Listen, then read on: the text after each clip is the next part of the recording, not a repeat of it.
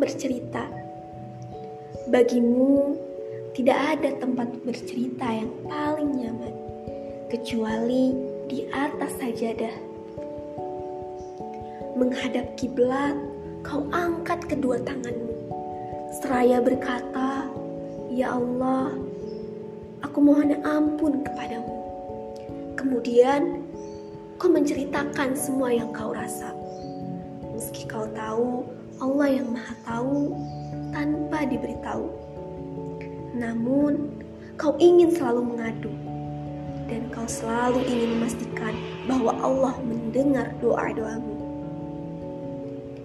Tentang pertemuan yang menguatkan, perpisahan yang meniadakan, kebahagiaan yang menyejukkan, serta kesedihan yang menyungkurkan. Semua kau ceritakan secara rinci di hadapan Tuhan, pemilik alam semesta ini. Usai bercerita, kau tutup dengan kalimat ini. Ya Allah, lindungi aku ke mana pun takdir membawaku melangkah. Lindungi aku ke mana pun hati ini singgah. Sebab hanya engkau satu-satunya tempat di mana aku akan pulang.